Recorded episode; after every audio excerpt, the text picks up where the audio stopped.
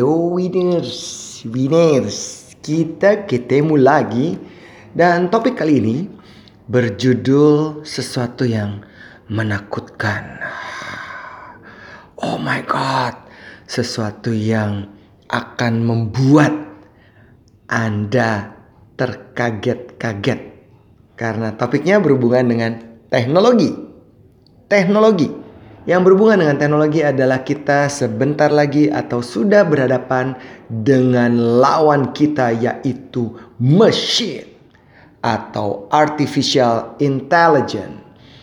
Robot sudah datang. Jadi topik hari ini adalah tentang artificial intelligence, sebuah kecerdasan buatan yang kemudian sekarang digunakan oleh banyak industri karena apa? Karena robot itu tidak punya hati. Robot itu nggak baperan kayak lu. kayak lu, kayak lo kali gitu ya. Robot itu dapat diukur dengan baik dan nggak keringetan, nggak capek. Jadi semuanya ini buat untuk membantu hasil-hasil dari industri dapat terukur dengan baik. Dan sudah pasti artificial intelligence akan mengambil jutaan lapangan pekerjaan. Aduh, ini mengerikan ya, terutama di negara kita tercinta. Karena kemudian ada ekspektasi lainnya dari manusia yang diharapkan dapat ditingkatkan. Karena kalau pekerjaan yang semuanya dapat digantikan oleh mesin, ya pasti akan digantikan lah. Misalnya, hal-hal yang sederhana deh, mulai dari vacuum cleaner. Terus sekarang udah ada robot yang jadi vacuum cleaner beresin, bersihin, rapi-rapi. Terus semuanya udah digantiin oleh robot.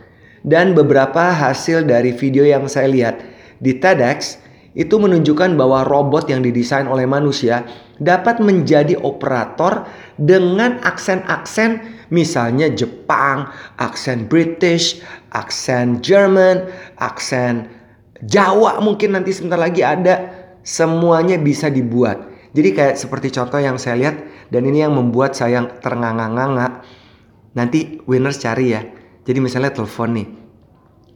Jadi udah bukan manusia lagi sebagai operator, tapi atau resepsionis tapi mesin yang menjawab. Jadi kalau kita ke lobby ke mana-kemana tuh udah nggak ada orang lagi, semuanya tuh mesin.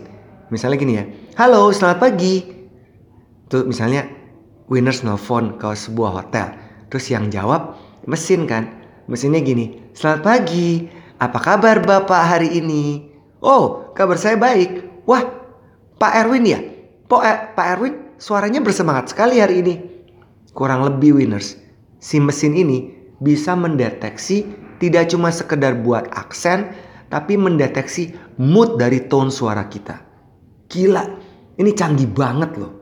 Jadi memang sudah bisa dipastikan ya.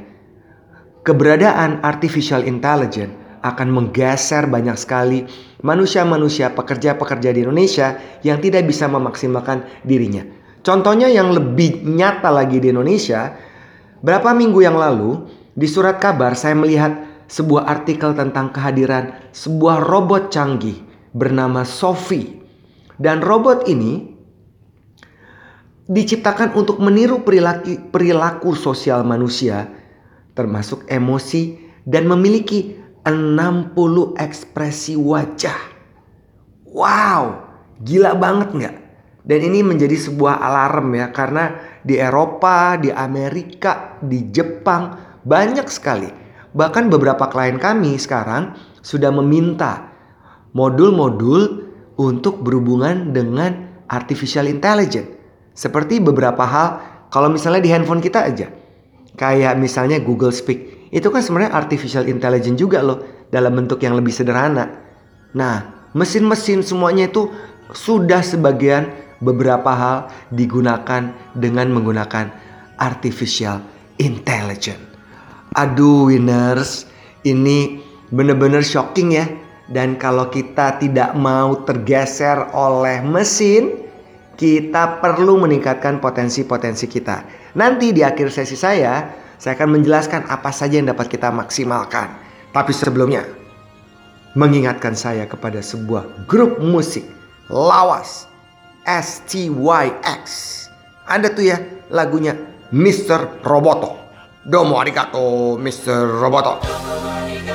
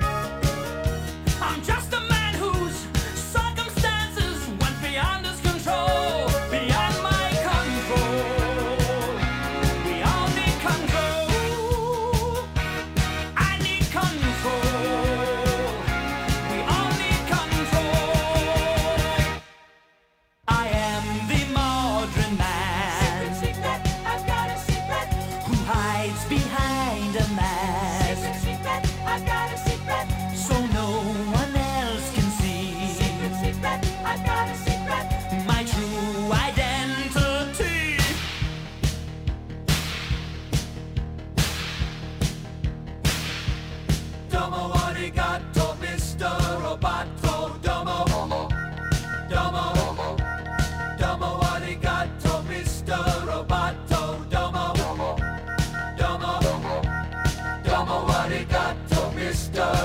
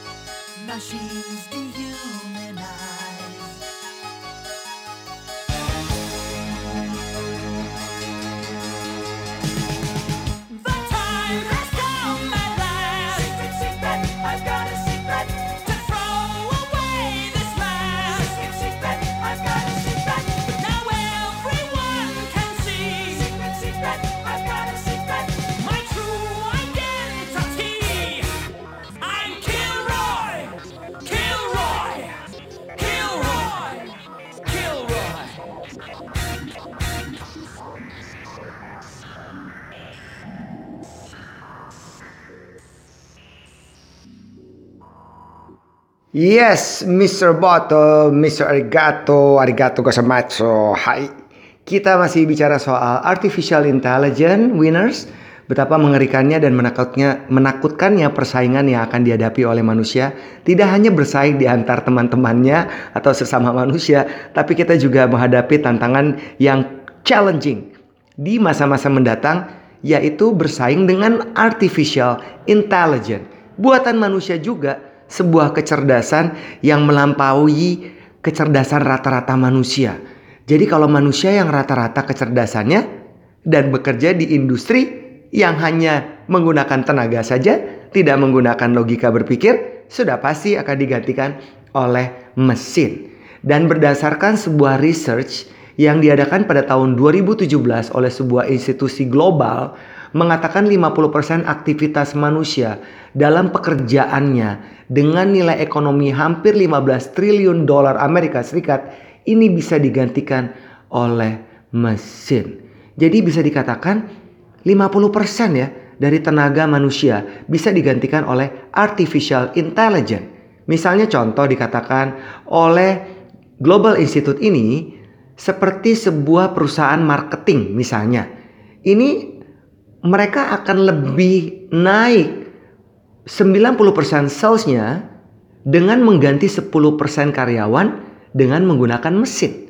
Jadi kalau ada 100 orang, 10 orang diganti pakai mesin. Nah ini kan baru 10% dari sebuah industri.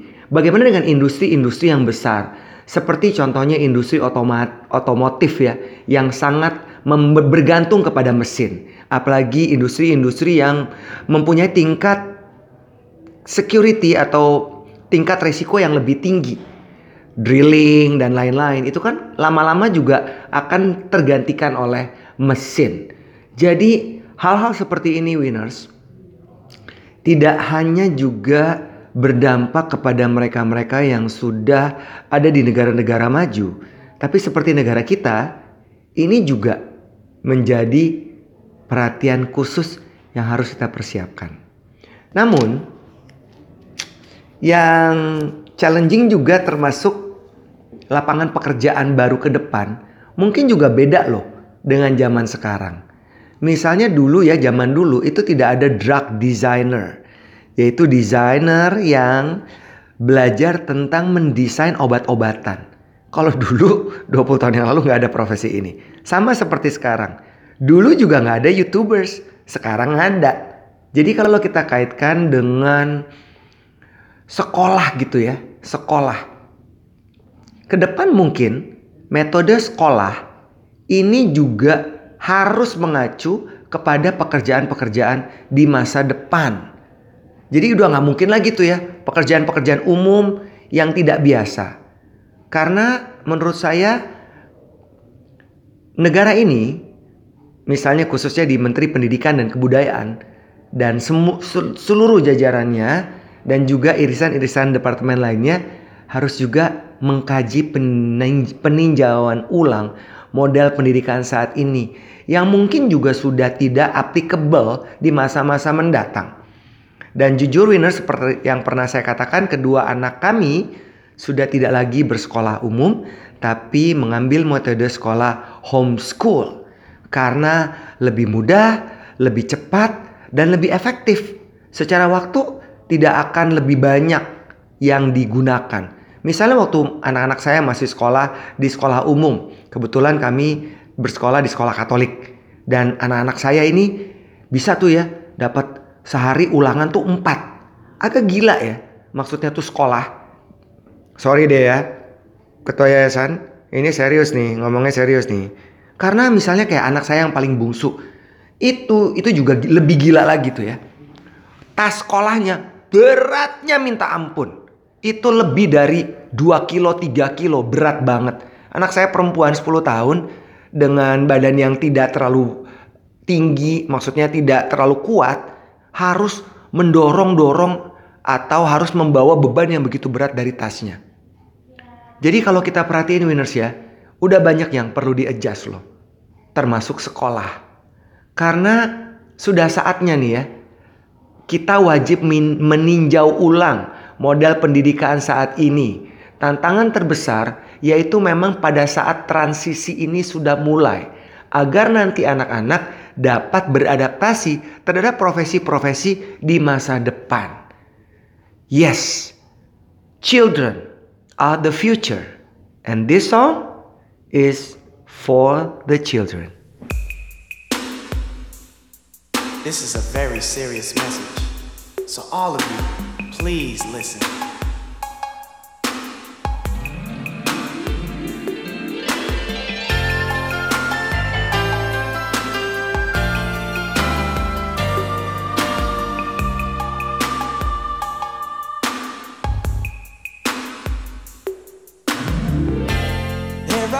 People living in this world. They have no food to eat, they have no place to go. But we are God's children, we have to learn to love one another. Just remember they could be us. Remember we are brothers. I'm not trying to darken up your day. Others in need and show them there's a better way. This one's for the children. The children of the world. This one's for the children. May God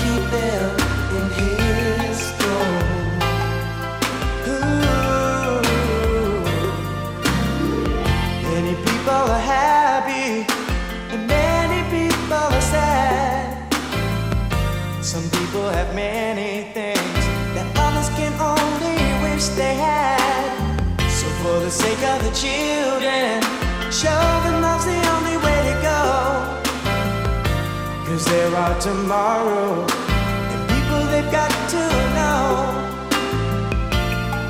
I'm not trying to darken up your day, but help others in need and show them there's a better way.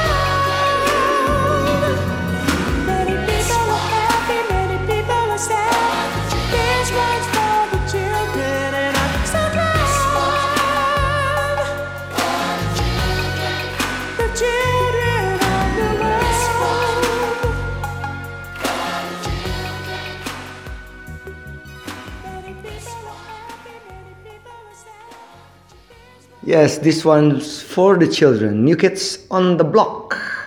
Sudah tidak ada lagi, tapi satu penyanyinya sampai sekarang masih aktif berpindah profesi dari seorang penyanyi menjadi movie star, bintang film, Donnie Wahlberg.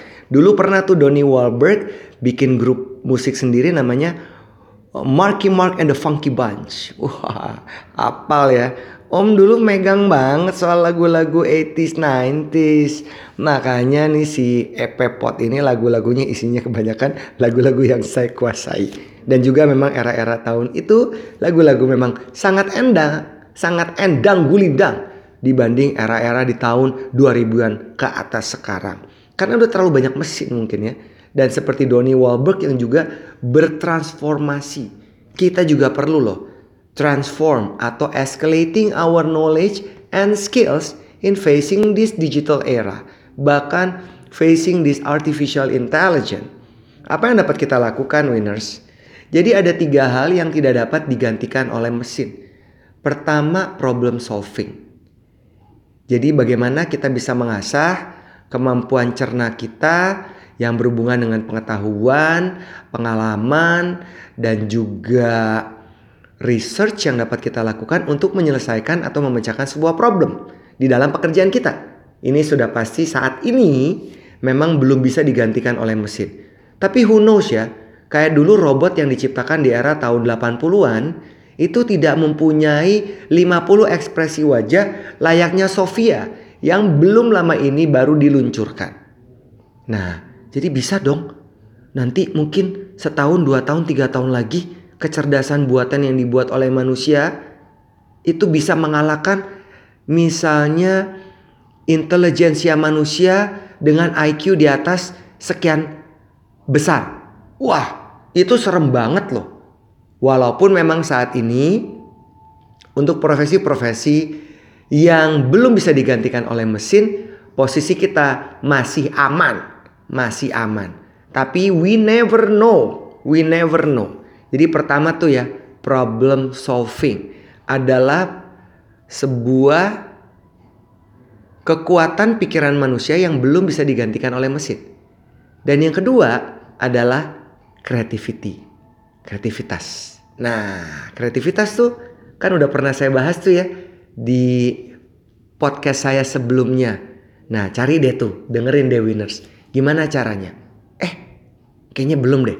Saya belum pernah ngomong, tapi saya sudah menyinggung-nyinggung secara tidak langsung dengan lagi-lagi membaca buku, analisa berpikir, kemudian melihat sesuatu dari sudut pandang yang berbeda, menciptakan atau mengembangkan sesuatu yang sudah ada dengan approach yang berbeda. Itu adalah beberapa langkah yang dapat meningkatkan kreativitas kita. Dan yang ketiga, yang tidak bisa digantikan oleh mesin adalah kolaborasi. Bagaimana manusia dapat berkolaborasi dengan manusia lainnya untuk menciptakan hasil-hasil karya yang tidak dapat digantikan oleh mesin. Jadi winners, perbanyak pengalaman. Kemudian juga pertingkatkan meta skill kita yang menyangkut juga soal mental kita dalam berpikir, berinteraksi dan juga menyangkut attitude kita. Karena banyak sekali situasi-situasi yang nanti tidak bisa terbayangkan sebelumnya yang kemudian akan dihadapi oleh kita manusia. Jadi orang-orang yang sukses winners adalah mereka-mereka yang memiliki kemauan untuk terus belajar dan beradaptasi terhadap ketidakpastian sebuah perubahan zaman yang saat ini sedang dan akan terus kita hadapi dari masa ke masa. So are you ready to face the truth?